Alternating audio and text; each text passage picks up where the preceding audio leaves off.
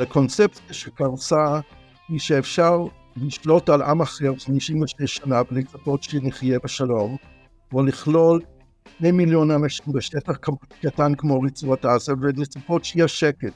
זאת הקונספציה שקרסה, ולזה אנחנו צריכים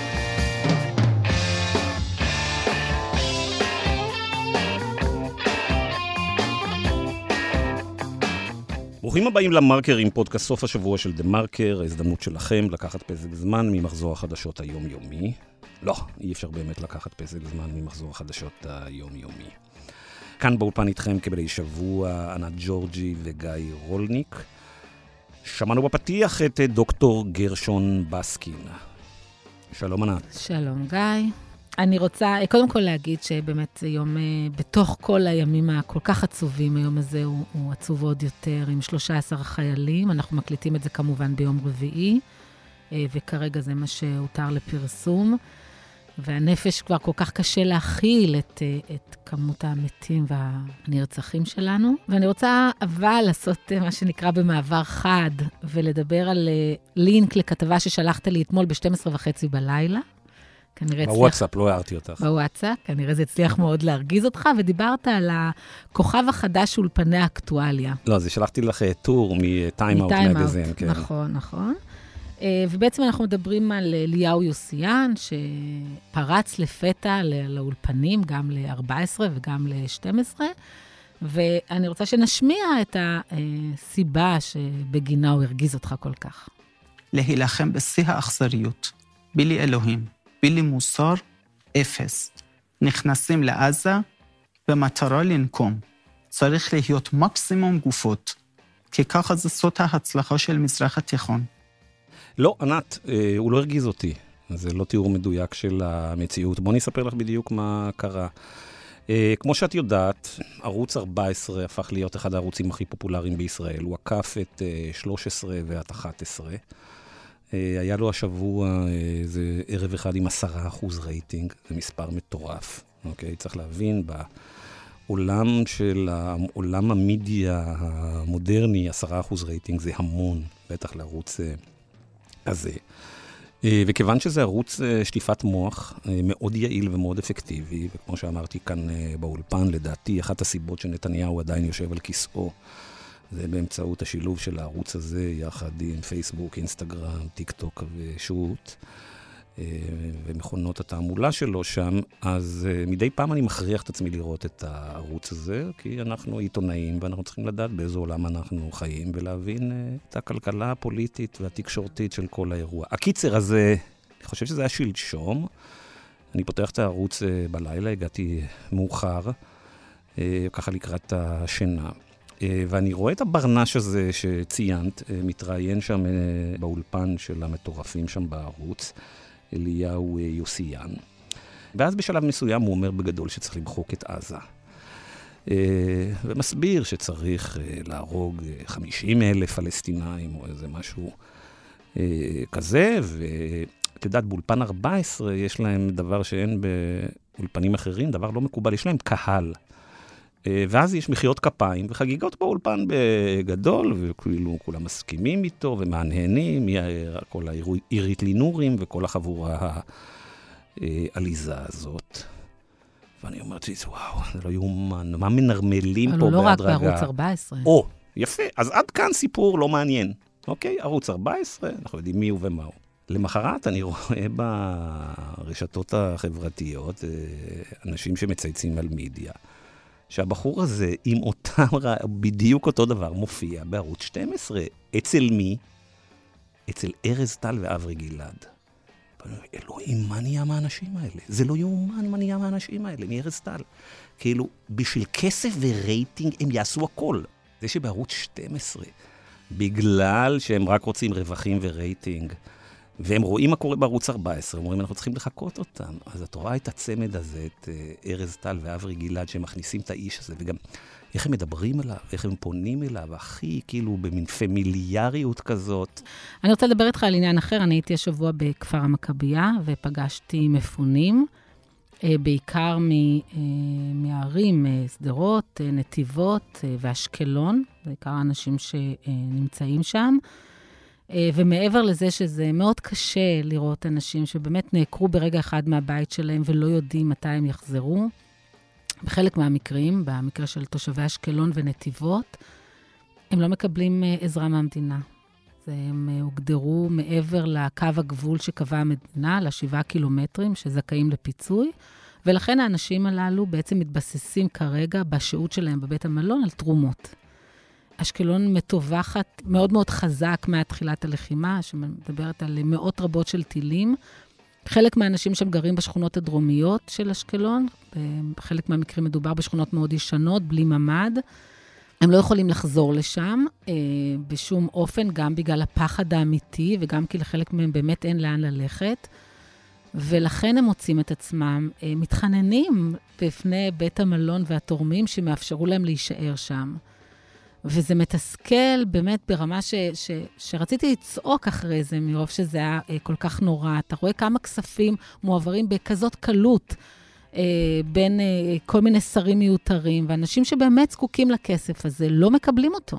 דיברנו על זה פה לפני שבוע ושבועיים. אה, קודם כל, הסולידריות הזאת שאת מדברת עליה, זה סולידריות בחברה האזרחית. כל מה שקשור בפוליטיקה זה בדיוק ההפך.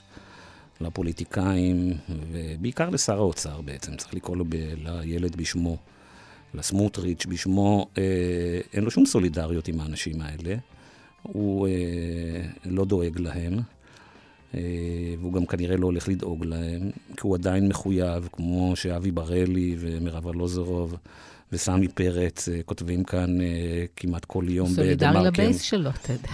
כן, בדיוק. הוא סולידריות לאנשים ששמים אותו בשלטון, אוקיי? זה קצת אה, הפוך מסולידריות אה, אה, אמיתית. אה, והוא לא מתכוון לשנות את זה. כרגע מדברים להזרים את המיליארדים לכל המוסדות המיותרים נתפס. שלהם. באמת, באמת. והוא לא רואה את האנשים האלה ממטר. אבל החשש הגדול ביותר, אם אומרים הפקרה, אז אה, החשש הגדול ביותר הוא שיפקירו כאן 240 אה, איש ואישה, ילדים וילדות, תינוקים ותינוקות, אה, סבים וסבתות, ואלה הם כמובן החטופים אה, שלנו.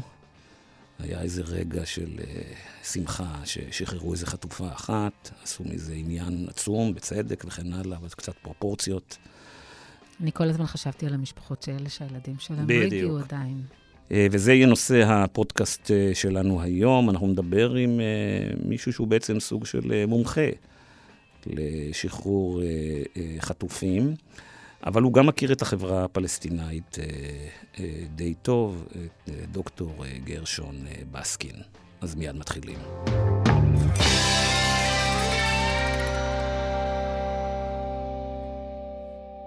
שלום לדוקטור גרשון בסקין. שלום גרשון. שלום. בוא נתחיל דווקא מהסוף, ואחר כך נלך להתחלה ותספר למאזינים קצת על uh, מה שאתה עושה ומה שעשית.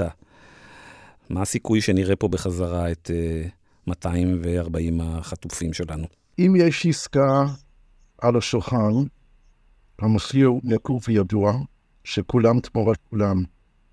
וזה אומר כ-7,000 אסירים פלסטינים, 559 מהם יושבים מאסרי עולם, חלקם מאסרי עולם רבים, 150 מחבלים שנתפסו בישראל אחרי השבעה באוקטובר. רוב האסירים הם מהגדה המערבית, לא מעזה. מקסימום 30 אחוז מהם אנשי חמאס, אה, וזה המחיר. אם חמאס מוכן להסתפק בזה, וזה גם לא בטוח. והשאלה, או אחת השאלות למדינת ישראל, בוודאי שואלת את חמאס דרך הקטרים והמצרים, האם מדובר על שחרור של פעימה אחת? כי אם זה לא פעימה אחת, זה לא בא בחשבון. והאם אפשר לגרש את כל האסירים או את הקשים ביניהם לעזה? חמאס צריך לתת תשובה לשאלות האלו, תוך כדי ידיעה שצריך להיות ברור להם שישראל תרדוף אחריהם ותנסה לחסל את כל אותם אסירים משוחררים. זה ברור שמשפחות החטופים רוצים את העסקה הזאת, זה לא ברור שהחברה הישראלית בכלל הייתה מוכנה לשלם את המחיר, ולגמרי לא ברור אם ממשלת ישראל מוכנה לשלם את המחיר הזה ולא לוותר על החטופים. גרשון, אם לך מביאים עכשיו את ההסכם הזה כתוב, ישראל אה, משחררת את כל האסירים שלה, לא חשוב במה הם הורשעו, ובתמורה אנחנו מקבלים 240 החטופים אה, שלנו, ומבקשים ממך לחתום. מה אתה עושה? קודם כל, אני מבקש לא לקבל את האחריות הזאת, אבל אני חושב שאין לנו ברירה כמדינה. אני חושב שיש חובה מוסרית להחזיר את החטופים, את כולם חיים. אני חושב שהמדינה שתפקידה המרכזי, הראשוני והחשוב ביותר זה לתת ביטחון לאזרחיה, ומדינת ישראל כשלה בזה. והחובה המוסרית של המדינה היא להחזיר אותם, קודם כל.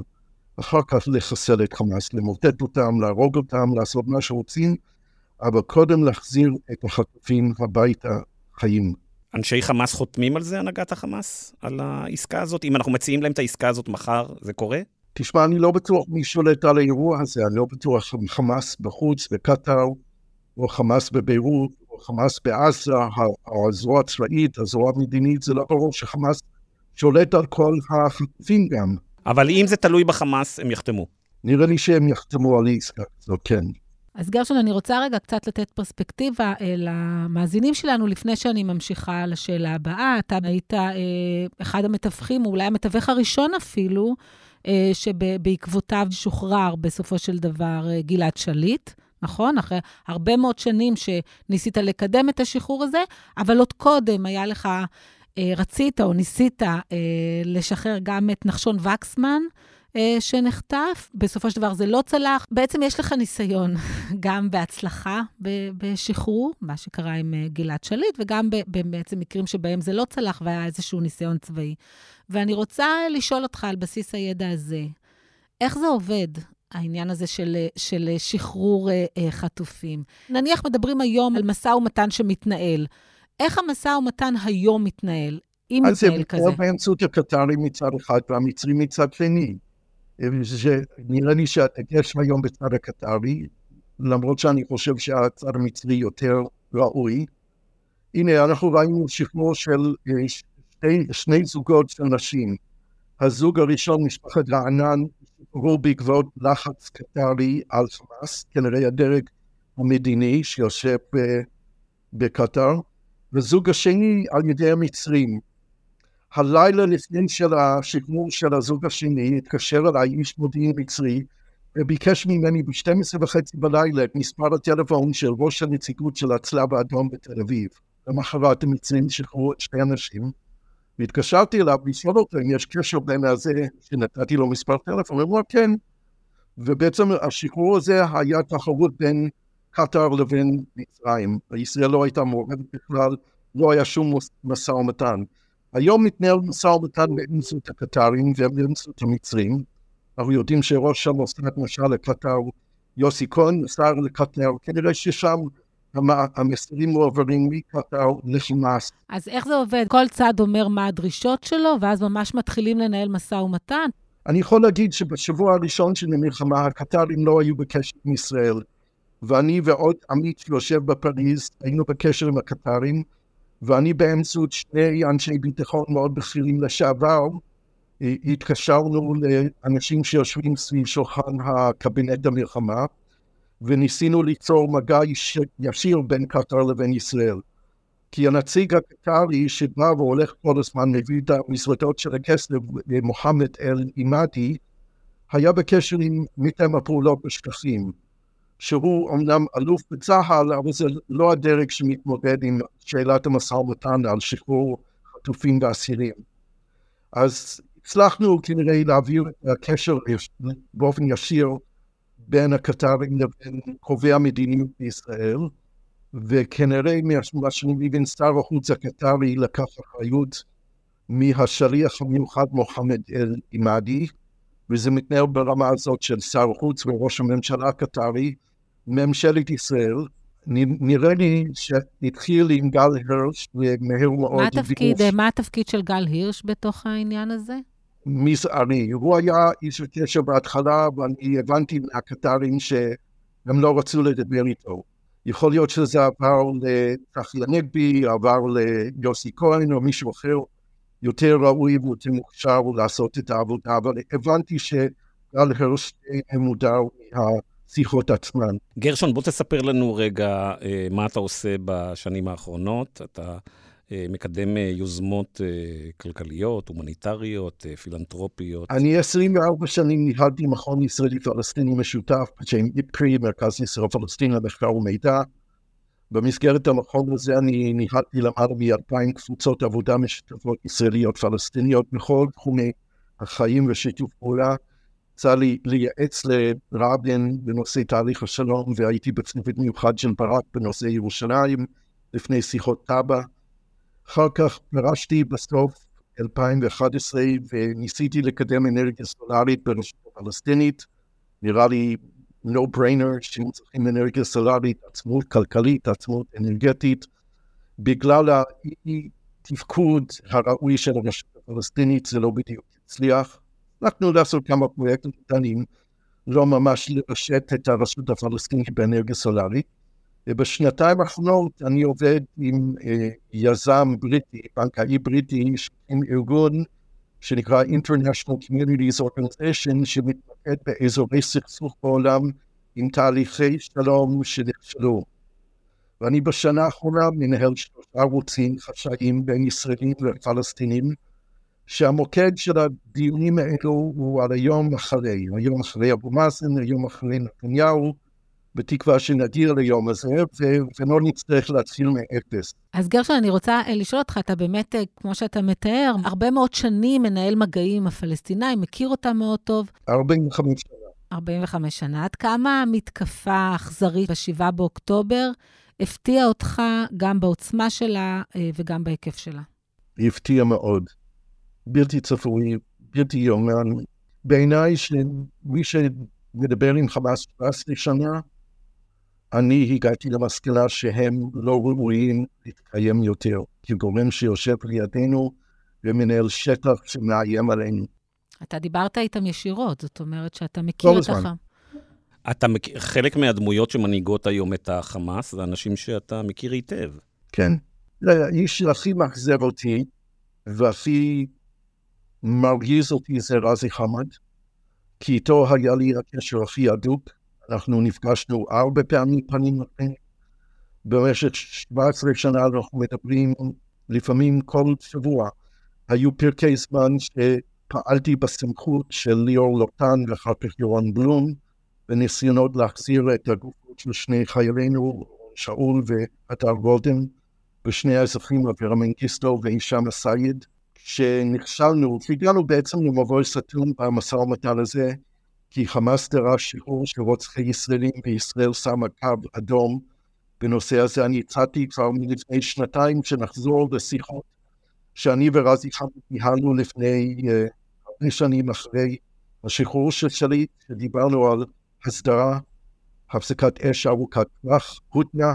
Uh, ניסיתי לשכנע את רזי בקיץ 22 שנתפגש כמה ימים באירופה, בנורבגיה או בשוויצריה, כדי לעשות סיור מוחות ולחשוב איך שוברים את המבוי סתום. גם בחודשים האחרונים ניסיתי לשכנע מה תפקידו היום?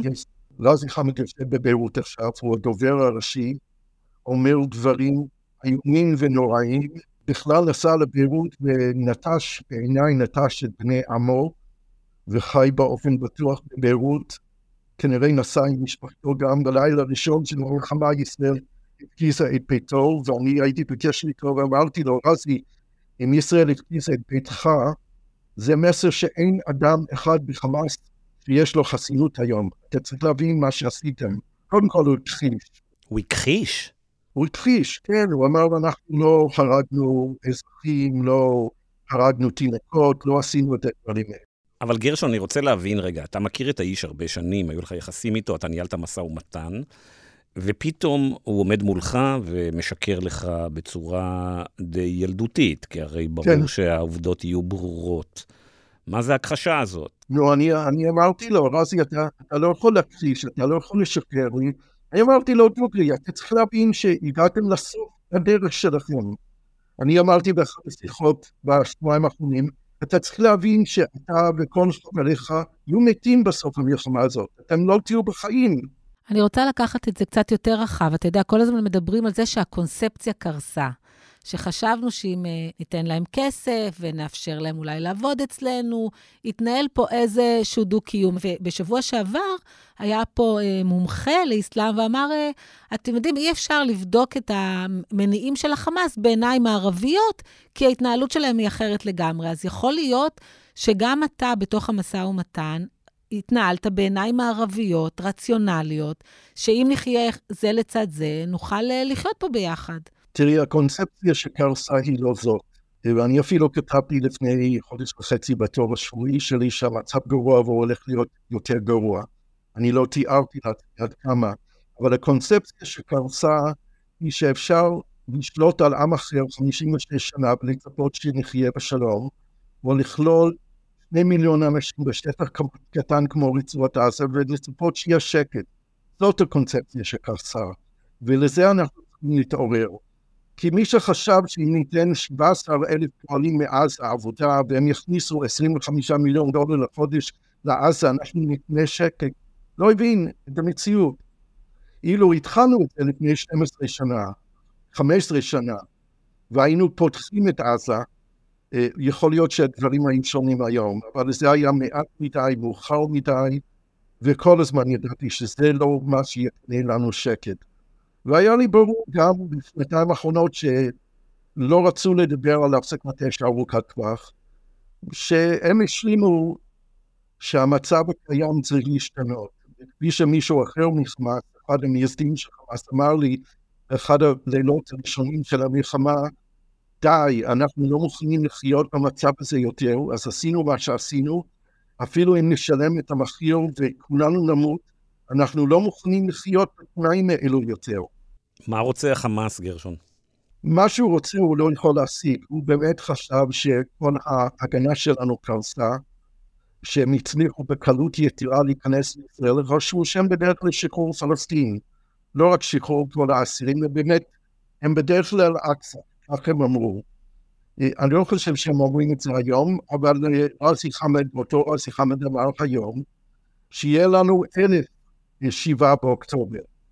הם עדיין חיים באשליה שיכולים לגרום לנו הרבה מאוד נזק והרבה מאוד חרודים שאנחנו נשלם מחיר כבד, שהם יכולים לנצח אותנו, הם יפתיעו אותנו, ירדו הרבה חיילים, ואנחנו ניכנס כמו כל הסבבים שעברו להפסקת אש, ונשלים עם הקיום שלהם שם אחרי הרבה מאוד נזק.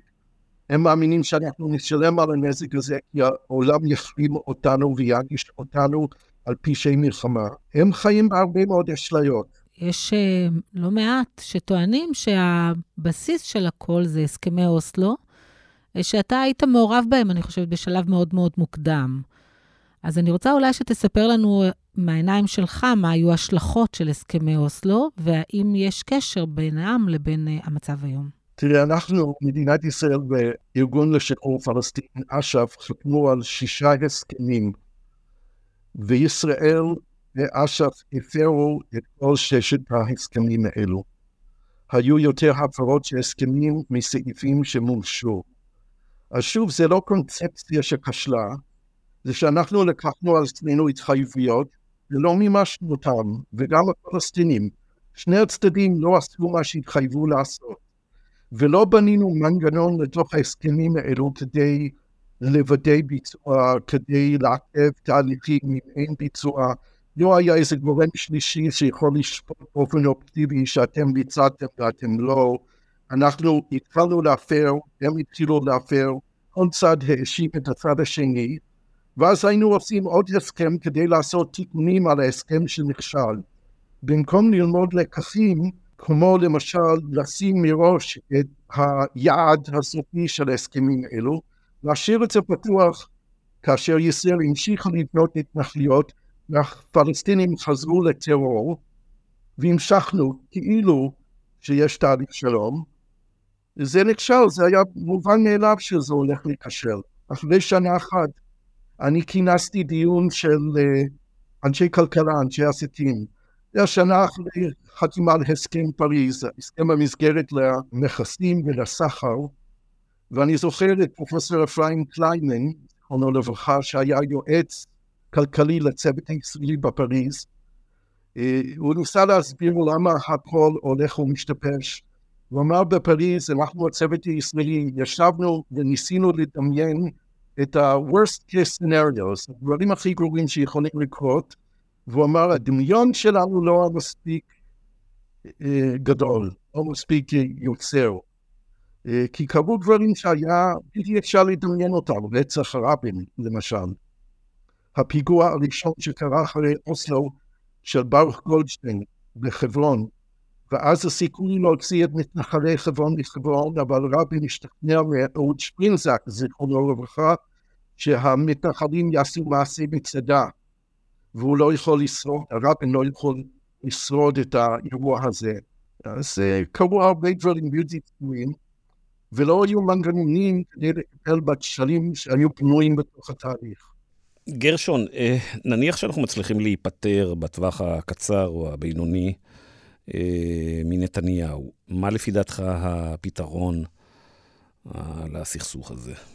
תראה, אני חושב שהדבר הראשון זה להיות ששני הצדדים שחווים עכשיו את הטראומה הכי גדולה שלהם מאז הקמת המדינה, בשבילנו זה הטראומה הכי גדולה מאז השואה, ולא רק מספר הרב של נרצחים וחטופים, אלא אובדן תחושת הביטחון, אובדן שהמדינה מגיעה אלינו, והפלסטינים, החמאס גרר את הפלסטינים 75 שנים אחורה לנכבה, וזה קורה בעזה וזה קורה בגדה היום, וכך כל הפלסטינים חשים.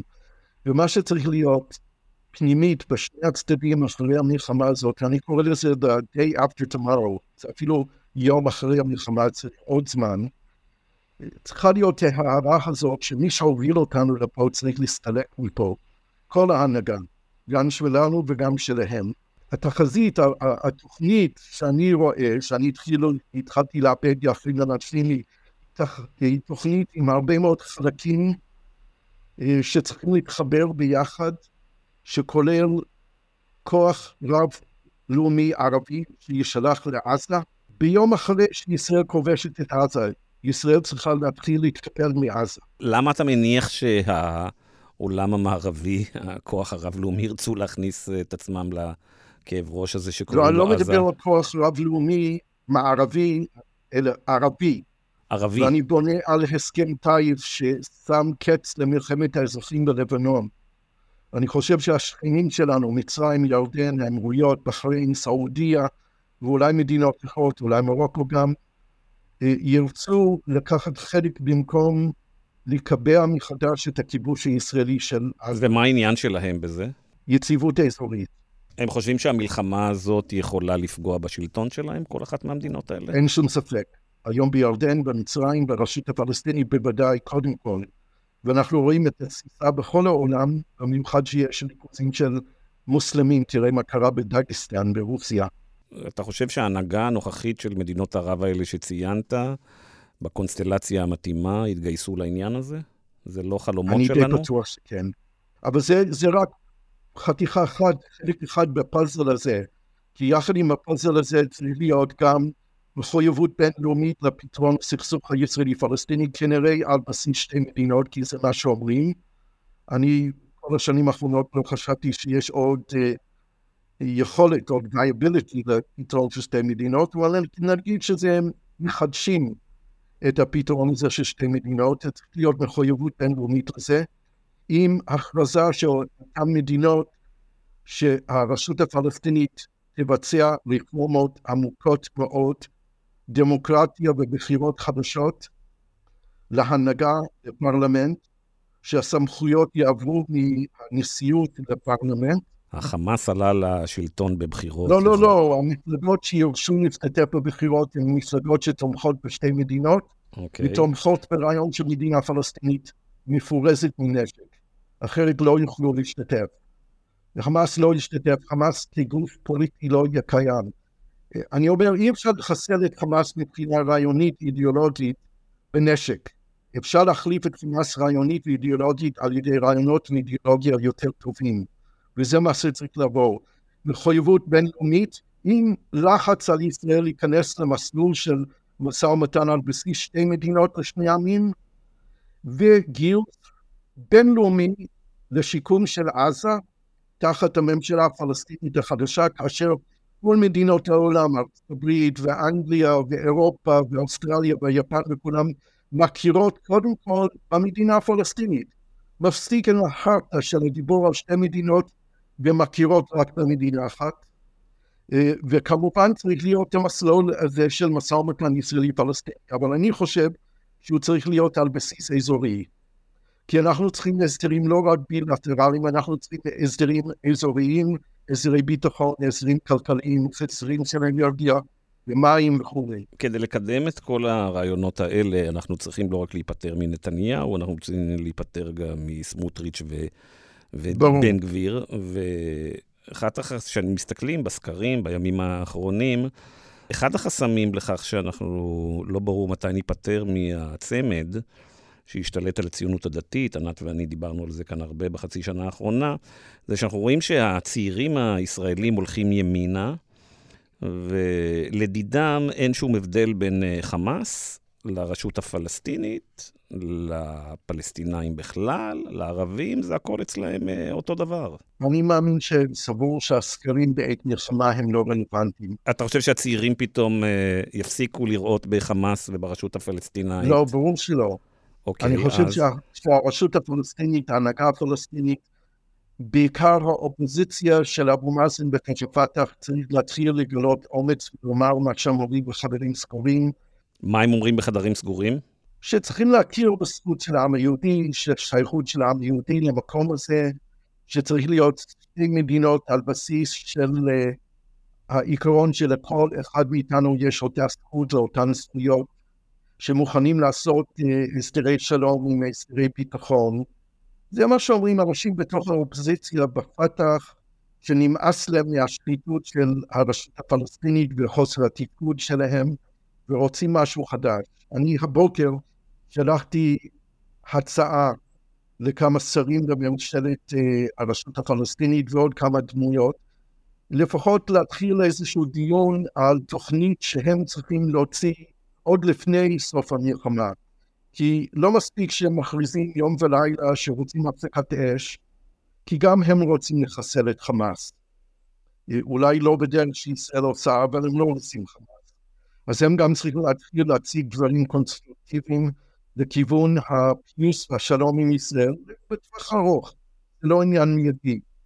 ואני חושב שהציבור הישראלי יתעורר למשהו חדש אחרי המלחמה הזאת, היא לא תהיה פשוטה.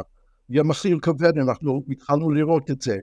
לא רק מה שעשו בשבעה באוקטובר, אלא גם תוצאות המלחמה, אנחנו ננצח, אנחנו נחסל אותם, נהרוג הרבה מאוד מאנשי חמאס, הרגנו כבר הרבה מאוד אזרחים פלסטינים, זה איום ונורא, אה, והדור הצעיר גם מתעורר למציאות חדשה.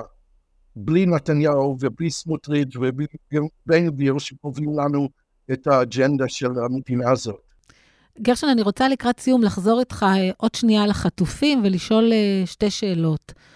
אתה רואה שהחטופים, החטופות אה, שהשתחררו, בסך הכל המצב שלהם היה טוב. האם יש איזו אג'נדה לשמור עליהם, אם אנחנו יכולים להיות רגועים מהבחינה הזאת? והשאלה השנייה, אם באמת אתה חושב שבסופו של דבר החטופים יחזרו הביתה. גלעד שליט היה אחד, והוא היה נכס, וידעו מה ערכו, ושמרו עליו, ולא עינו אותו, וטיפלו בו ונתנו לו אוכל. אמנם הוא היה די חולה בסוף, כי היה מחזור אקוטי בוויטמין D והוא הפסיק לעכל את האוכל שלו, והם הזדרזו בסוף בגלל זה, הוא היה מת עוד חודש בשבי. לגבי החטופים שיש 200 אנשים, 240 אנשים, יכול להיות מצב שחמאס יחשוב שהם expendable, שאפשר לוותר על כמה מהם כדי לגרום ללחץ על מדינת ישראל.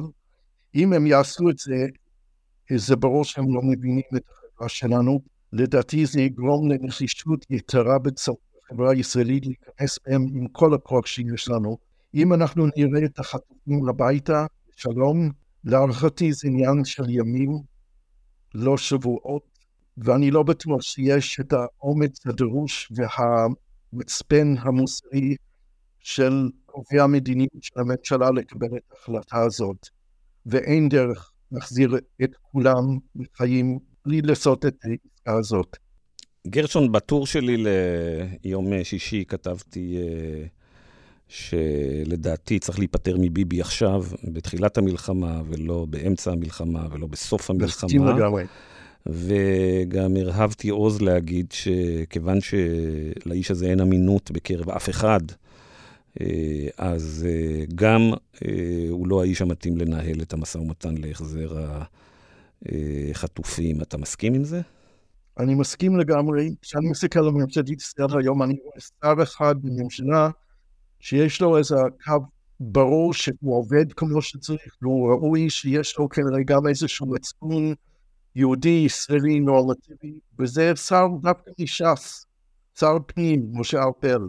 ובמצב של הליכוד, שאם ביבי היה מתפטר, היו צריכים לבחור מישהו אחר מהממשלה, אני ברגע זה הייתי מציע את משה ארבל להיות ראש הממשלה לפרק זמן עד שנוכל לקיים בחירות. והוא נראה לי האדם הכי מוסרי בממשלת ישראל היום, חוץ מאלה שהם שרים בלי תיק ועוזרים לנהל את המלחמה. גרשון, אה, דוקטור גרשון אה, בסקין, תודה רבה. תודה לכם.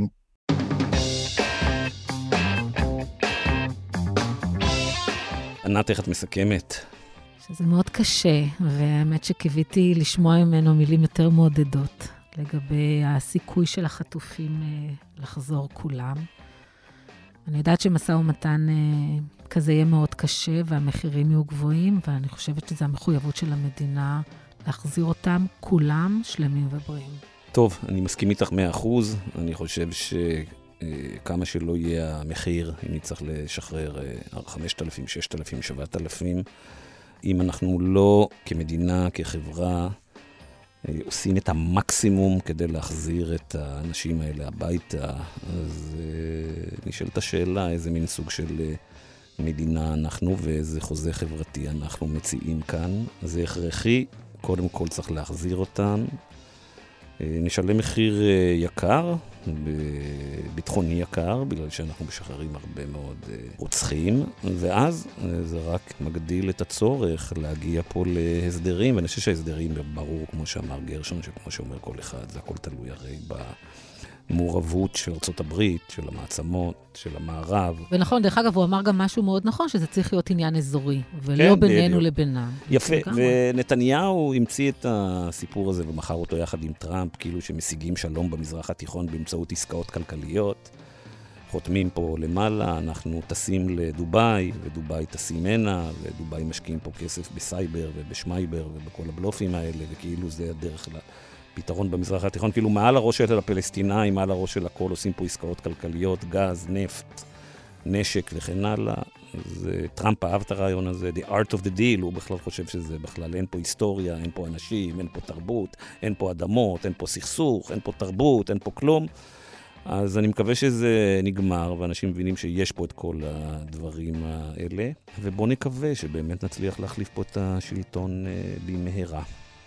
זהו, עד כאן המרקרים להשבוע. אם אהבתם את הפודקאסט, אל תשכחו להירשם בחנויות הפודקאסטים של אפל, ספוטיפיי וגוגל. תודה רבה למפיק שלנו, אמיר פקטור. תודה רבה לדן ברומר, העורך האגדי. תודה לדוקטור גרשון אה, בסקין, ותודה לך, ענת. תודה, גיא. להתראות בשבוע הבא.